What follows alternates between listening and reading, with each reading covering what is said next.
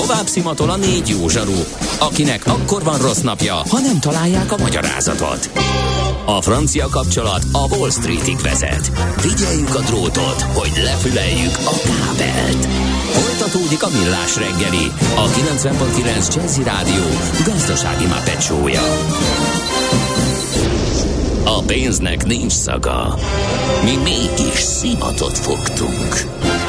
A Millás reggeli fő támogatója a Superautomobil KFT, a Schiller Auto család Lexus Pest márka kereskedése Újpesten. Schiller Auto család. Autók szeretettel. Jó reggelt mindenkinek, ez továbbra is a Millás reggeli, itt a 90.9 Jazzy Rádió Banács Gáborral. És Kántor Endrével. És a hallgatóinkkal 0630 20 10 909 nézzük, hogy milyen üzenetek érkeztek hozzánk Viberre, Whatsappra, SMS-re, illetve Messenger alkalmazáson ide a Facebook oldalunkon keresztül. Te mit látsz, Gábor? Hát igen, érdekeseket írtak a hallgatók. Fú, hát figyelj, pro és kontra. Van, aki szerint ez nagyon lájtos volt, van, aki szerint itt kormánypropagandát nyomtunk, szóval ez nagyon vicces, amikor így... igen, érdekes igen. dolog Magyarországra kívülről ránézni, és uh, nem figyelembe véve azt a sok apró részletet, amit mi esetleg itt látunk, de amikor pont ebben az adóvilág rovatban 10-10 percekben nézünk rá egy, országra a legérdekesebb dolgokra, akkor nyilván nem lehet teljes, és pont az volt a cél, hogy úgy beszéljünk erről, hogy mintha tényleg kívülről néznénk rá, mint ahogy a többi országot is elemezgetik a, szakértők. Úgyhogy teljesen változatos reakciók voltak, de egyébként még a, Labon itt a feldolgozásra is teljesen változatos Igen, reakciók volt. A tö- több a, mindig minden feldolgozás rettenetesen megosztó, és ilyen is és olyan is jön. Itt azért több volt, akinek tetszett, de itt is volt az. Volt olyan, aki azt írta, hogy hát ez eredetileg is egy rossz dal, ebből ja, nem igen, is lehet jót kihozni, és akkor ez amúgy is nem is érdemes ezzel próbálkozni. Mi ezzel abszolút nem értünk egyet egyébként. Számtalan példát tudnánk arra mondani, hogy alapvetően egy béna dalból sikerült jót kihozni, feldolgozva, átdolgozva, úgyhogy nekem, az a, nekem az a vicces, Az a vicces, hogy, hogy van, amikor először találkozol azzal a dallal, nem is tudod, hogy az már egy feldolgozás, és úgy tetszik meg, mert mondjuk egy 20-30 évvel ezelőtti felvételnek a feldolgozása, és mondjuk egy filmben, vagy például rádióban hallod, először hallod életedben, nem tudod, hogy feldolgozásról van szó. Akkor lepődsz meg, amikor kiderül, hogy ennek van egy eredeti verziója. Uh-huh. Szóval, hogy um, nagyon, um, hogy is mondjam, szemellenzősen néz, néz, néznek nagyon sokan ezekre a zenékre, nem baj, persze mindegy, ez ízlésbeli dolog, um, nem lehet rajta vitatkozni. Lényeg a lényeg, hogy, hogy igen, nekünk tetszett, és ezért ezért hoztam be. Ráadásul az, az, az a jó, hogy, hogy ez a zenekar ez többet érdemel, és tényleg volt ez a kis e, megállás a karrierjükben, de a 2010-es és a 2015-ös lemez egymás után ez zseniális volt, és a, tényleg azt vártam, hogy majd e, ezzel a lendülettel folytatják, és tényleg úgy tűnik, mintha most kezdenének e, újra magukra találni. Mm.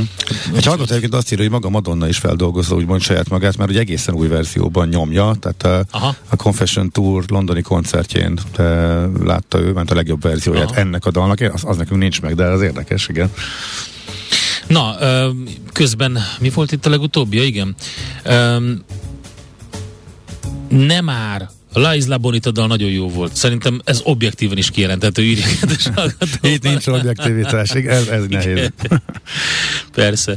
Igen, köszönjük szépen a hozzászólásokat, és próbáljuk meg kicsit, hogy is mondjam, ilyen nyitott füllel, vagy nyitott szemmel nézni ezeket az új dolgokat, azért hozzunk ilyesmit. Nem tudod, mi az üsző? Még sosem forgattál átszatolót? Fogalmat sincs, milyen magas a dránka? Mihálovics gazda segít? Mihálovics gazda, a millás reggeli mezőgazdasági és élelmiszeripari magazinja azoknak, akik tudni szeretnék, hogy kerül a tönköly az asztalra. Mert a tehén nem szálmazsák, hogy megtömjük, ugye? Hát úgy tűnik, hogy nincsen a hazai boltokban elég cukor, a vásárlók legalábbis cukorhiányra panaszkodnak. Ugye vagy nem lehet kapni, vagy pedig maguk az üzletek limitálták a megvehető mennyiséget. És hát ugye az a probléma, hogy Magyarország nem tud elég cukrot előállítani, az importnak pedig nem kedvez a nemzetközi helyzet. Ezt mondta a Cukorrépa Termesztők Országos Szövetségének elnöke aki egyben a cukortermék tanács és szakmaközi szervezet elnök helyettese is, Dorogi Árpád. És amikor sok minden összeér egyszerre, és abból jön ki a... Ez nagyon érdekes, mert hogy évek óta egyre kevesebb cukorrépát termesztenek Magyarországon, mert hogy alacsony volt az ár, hogy egyre kevésbé volt érdeme, érdemes ezt tenni. Na ezzel aztán sikerült annyira lecsökkenteni a termőterületet, hogy nem tud az ország ellátó lenni, és akkor még idén bejöttek a, az import problémák, meg, a, meg a brutális áremelkedés. Csökkent. Tehát, ezt nem, nem, tehát 2017-ben 15.500 hektáron volt cukorrépa termesztés hazai feldolgozásra. 2021, tehát négy évvel később 5000 hektárral csökkent ez a terület, akkor már csak 10.500 volt, idén, 2022-ben már csak 8600. Tehát lehet azt mondani, hogy lefeleződött konkrétan. Az hagyján, de az asszály miatt azon is sokkal kevesebb használható hmm. uh, cukorrépa fog teremni, úgyhogy uh, itt még a termés átlagok is drasztikusan romlottak külföldön is, uh, hiány van, drágulás van, és így, kéne, így kellene behozni. Hát akkor miért nem cukornádat termesztünk? Annak sokkal jobban kezdene megfelelni a klíma, nem? Hát figyelj, az, ez... azokban az országokban, ahol cukornád termesztés van, ott még a gaz helyett is az nő a hátsó kertbe. Tehát át kéne állni rá, nem? Az lehet, hogy még egyszerűbb is. Persze teljesen más a feldolgozás, meg a technológia. Nem, nem működik ezen a klímán. Igen, igen, erről is beszéltünk, ír egy hallgató is, hogy uh, volt erről már szó, hogy hiába akarnánk többet, uh, ezen a klímán már nem szeret ja. nőni. Uh-huh. Uh, a cukornád meg gondolom még nem szeret nőni. Uh, úgyhogy, hát ugye kézenfekvő lenne ebből is kevesebbet fogyasztani, nem? De az, az, az baj, nehéz, és nem egy egyik pillanatról a másikra. Ez nem csak az egyéni fogyasztóktól függ, hanem az ipari felhasználástól. Igen, Tehát igen. Uh, ugye az, azt az ipari felhasználásban nehezen tudod. Van itt izocukor, ami kukoricából készül, ugye egy csomó mindenről már volt szó uh, a gazd, agrárgazdasági rovatunkban, de, de most itt nem a, arról szól, hogy most én, mint fogyasztó uh, most csökkentem a cukorfogyasztásomat, az egy dolog, de aztán a sütéshez, meg az ipari felhasználáshoz, az élelmiszeriparban nagyon fontos alapanyag. Brutálisan so, nagyra nőtt az import e, szükséglet, mert e, évente közel 300 ezer tonna cukor fogy Magyarországon, és nem igazán csökken. Uh-huh. Hát igen. Hm. Úgy tűnik, tehát azt gondoltam volna, hogy azért valamennyire csökkennie kellene, mert hogy ebbe az irányba, ezzel a adórendszer is ebbe az irányba tereli a gyártókat. Ez minimális az, az egészséges termék. Jó, persze. Tehát, itt mondom, tehát az élelmiszeripari, tehát azt mondta egyébként a szakmai szervezet, hogy a, az itthoni gyártást kellene ellátni alapanyaggal, és ahhoz kéne körülbelül 14 ezer hektárnyi terület de a fogyasztás fedezéséhez ez se lenne elég, amit egyébként a lakosság megvesz. Uh-huh. Ja, van még nekünk egy ársapkánk is a cukron, ja. tehát még ugye veszteséggel lehet értékesíteni azt is, ami van, úgyhogy, és szerintem ezzel körbeértünk, hogy ez a problematikát. Hát amit nagyjából. te pedzegettél, az megoldja magát, tehát hogyha nincs, akkor nem tudunk fogyasztani, tehát ez csökkenni fog a fogyasztás. hát ha, ha így Erre kell valami igen. alternatíva. Ugye? De olyan nincs, hogy, hogy, hogy nincs, tehát, egy, tehát ha egyszer alapanyagként is funkcionál, tehát a Stevie egy bizonyos szinten túl nem lehet vissza. Az jön.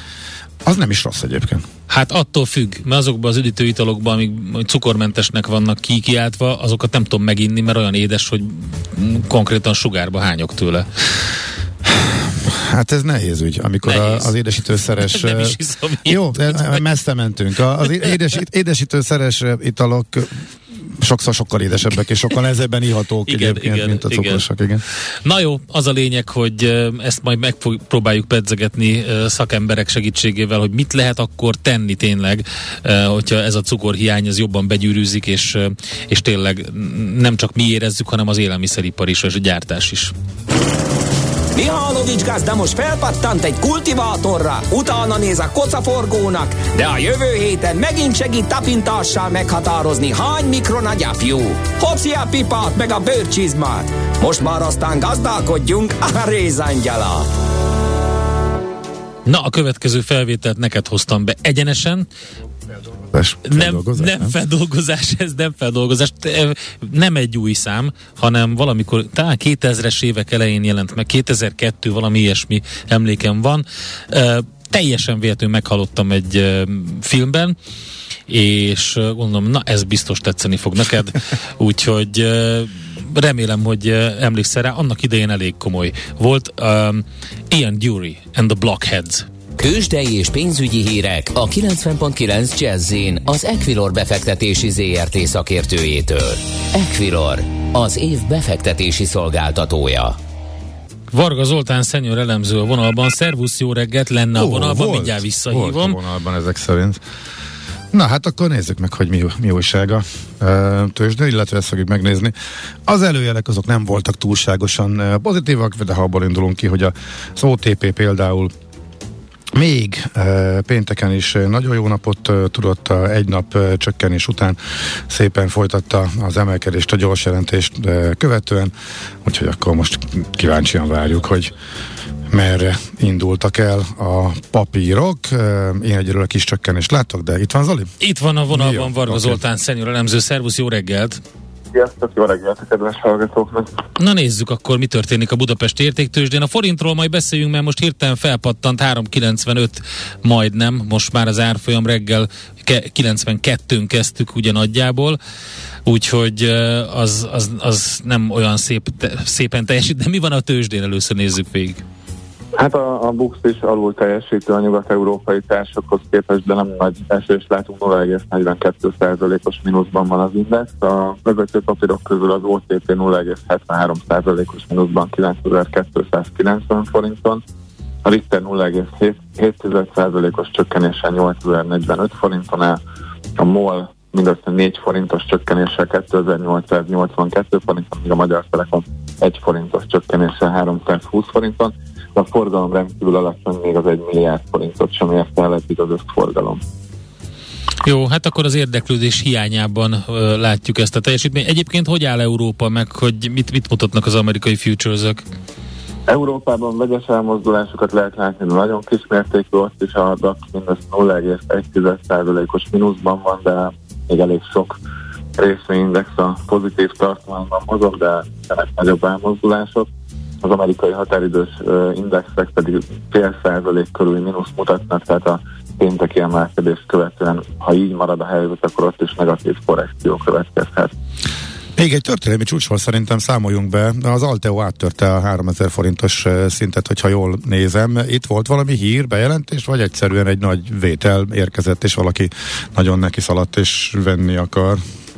Itt már a múlt héten megindult egy komoly emelkedő hullám, és ez folytatódik a mai kereskedésben is. Most 3030 forinton áll a részvény, majdnem 3%-os pluszban, tehát új bejelentés nem volt ezzel kapcsolatban, de mindenképpen egyrészt technikailag is felfelé mutat, másrészt pedig fundamentálisan is folytatódhat a, a kedvező tendencia, és ahogy említettétek, a forint árfolyam, hát onnan nem tudok ilyen jó hírekről beszámolni. Ebben a pillanatban 395 közelében van már az euró árfolyam, 394,80 pontosabban. A dollár jegyzése pedig 385,59. Ha, na az az érdekes, mert ugye az euróban ugye volt ez a két, két és fél forint körülbelül, de a dollárban ott viszont 4 forint, mert 381 körül kezdtünk, most meg már 385 fölött van. Így van, ugye ez annak köszönhető, hogy az euró-dollár is a dollár erősödés miatt lefelé mozdul, bár uh-huh. ott 0,2%-os csökkenés van 1,0240-en. Hát nyilván a forint árfolyamát alapvetően a, a pénteki S&P kilátásrontás befolyásolja negatív irányban, bár a reggeli órákban még úgy festett, hogy nem nagyon fog reagálni a piac, de sajnos ez nem, nem következett be, és uh, alul teljesítő a forint természetesen az Otival szemben is, illetve a Csekoronával szemben is. Hát reméljük, hogy a 395-ös szint megállítja majd az emelkedést, és akkor még van esély arra, hogy forduljon a következő napokban, hogyha viszont áttöri, akkor nagyon gyorsan 400-nál lehet itt ismét. Oké, okay, Zoli, köszönjük szépen az információkat, jó kereskedést nektek! Köszönöm szépen a figyelmet, sziasztok! Varga Zoltán szenior elemző számolt be arról, hogy mi történik a devizapiacon, illetve a tőzsdén. Tőzsdei és pénzügyi híreket hallottak a 90.9 jazz az Equilor befektetési ZRT szakértőjétől. Equilor, az év befektetési szolgáltatója. Volt már olyan érzésed, hogy megtaláltad a választ? Aha, aha, aha. Heuréka élmény. Jövő kutatás a millás reggeliben. Csak jövő időben beszélünk. Hát ha valaki követi a tudományos oldalakat, akkor, és nem csak azokat, hanem általános hírcsatornákat is, akkor lehet, hogy találkozott az önmagukat reprodukálni képes robotok történetével. A közösségi médiában is eléggé sok helyen megosztották ezt a videót, hogy élő és osztódó robotokat fejlesztettek ki. A hír azonban egy kicsit csalóka, de hogy ez pontosan mit jelent és hogy miért csalóka, erről fogunk beszélgetni az ELTE genetikai tanszék docensével, Varga Máté biológussal. Jó reggelt kívánunk, szervusz! Jó reggelt, és üdvözlöm a hallgatókat. Na, itt van ez a jópofa dolog, és tényleg, amikor láttam ezt a videót én is, akkor kicsit azért így megdöbbentem, hogy akkor most mit látunk egész pontosan? Hogy miért, miért élő és önmagát reprodukálni képes, és miért robotról van szó? Hát igen, a, kérdés ez nagyon jó, hogy miért robotról van szó, azt nem biztos, hogy meg tudom válaszolni, az inkább az ilyen hype része, hogy hogyan adják el a történetet.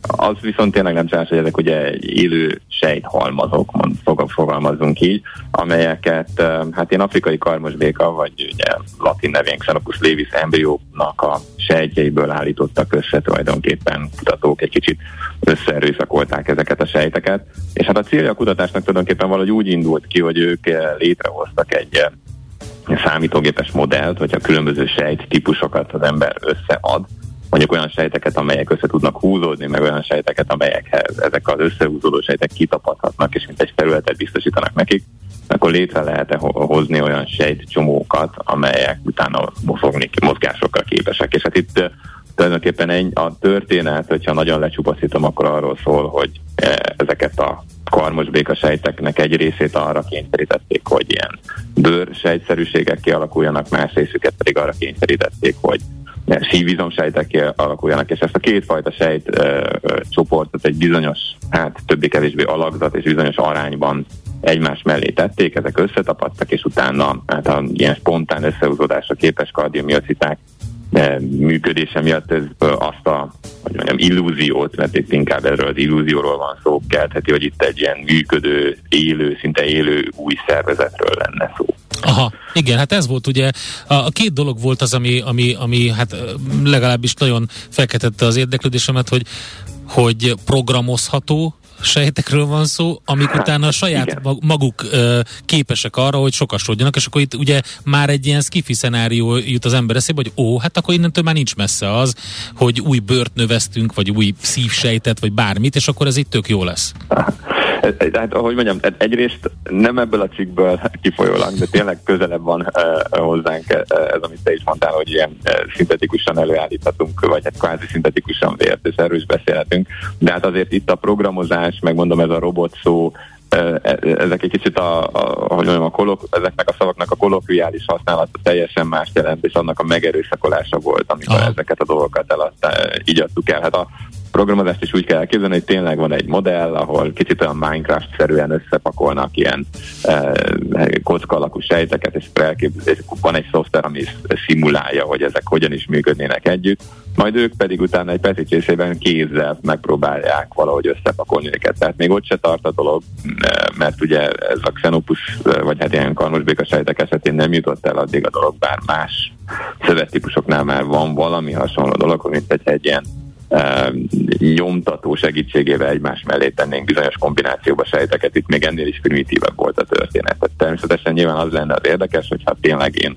tetszés szerinti dolgokat egymás bizonyos kombinációban egymás mellé tudnék tenni, és megnézném, hogy mi történik akkor. De azért ez itt messze-messze van még ez a történet ettől a ponttól. De ide egyébként a kutatások ebbe az irányba mutatnak, hogy ezt szeretnék elérni a kutatók?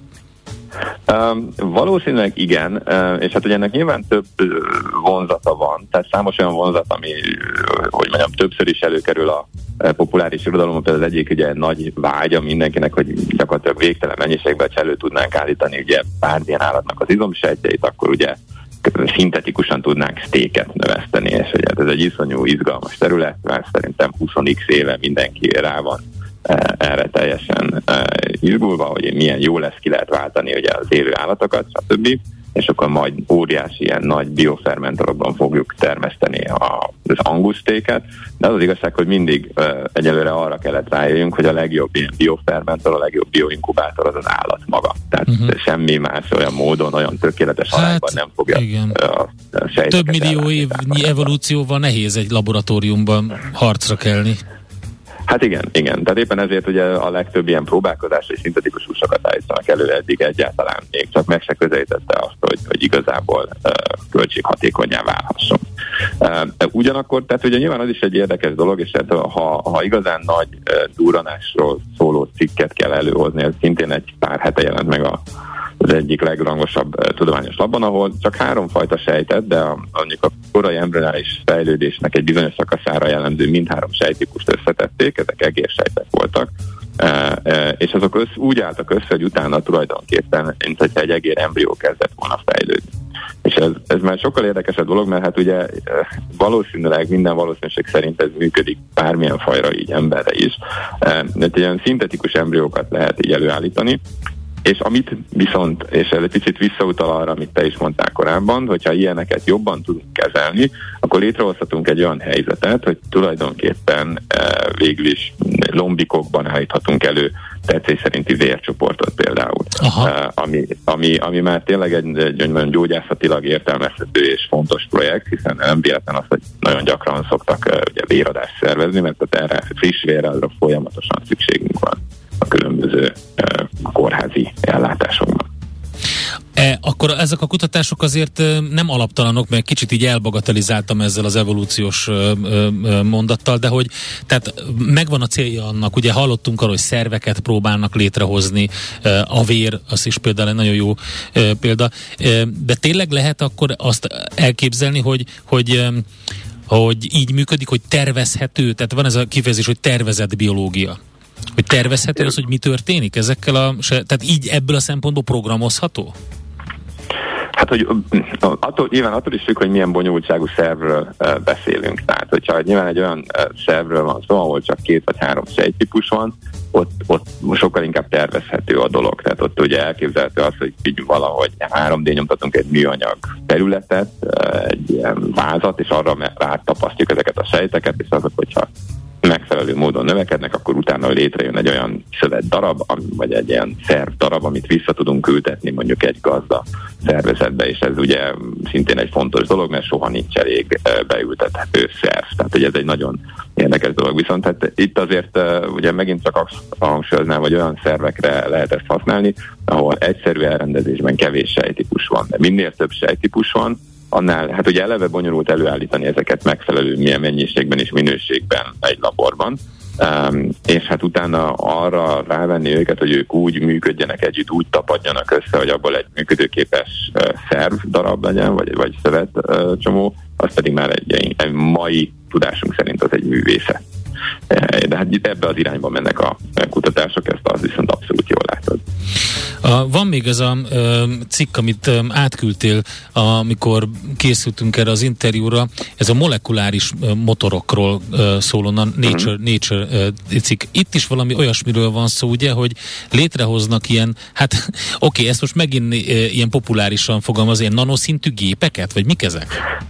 Igen, de annak a, ez a DNS origami része, tehát Igen. azért küldtem át, mert ez, ez tényleg, ez, ez viszont, ez viszont nagyon intuit, hogy mondjam, hogy innovatív dolog. Tehát ugye a, a DNS-ről ma azért elsősorban mindenkinek az jut eszébe, hogy az információt kódol, és ugye ezt, az, ezt a kódolást fejtik fel a sejtjeink, és ebből készülnek a fehérjék. Ugyanakkor a DNS az egy, hát ez egy polimer is, tehát egy ilyen nagyon-nagyon hosszú molekula, ami fel tud csavarodni, és nem csak az ikonikus kettős helixet tudja létrehozni, hanem mindenféle más furcsa alakzatokat tud létrehozni, és ezt valamennyire tudjuk szabályozni azzal, hogy milyen szekvenciája van ennek a ugye néhány kutató, most már azért egy bő évtizedes távlatban azt vette a fejébe, hogy ezt a furcsa tulajdonságát a DNS-nek kihasználja, és egy inkább nem is az az elsőleges funkciója, hogy milyen fehérjét kódoljon, hanem az, hogy milyen módon tudjuk feltekerni.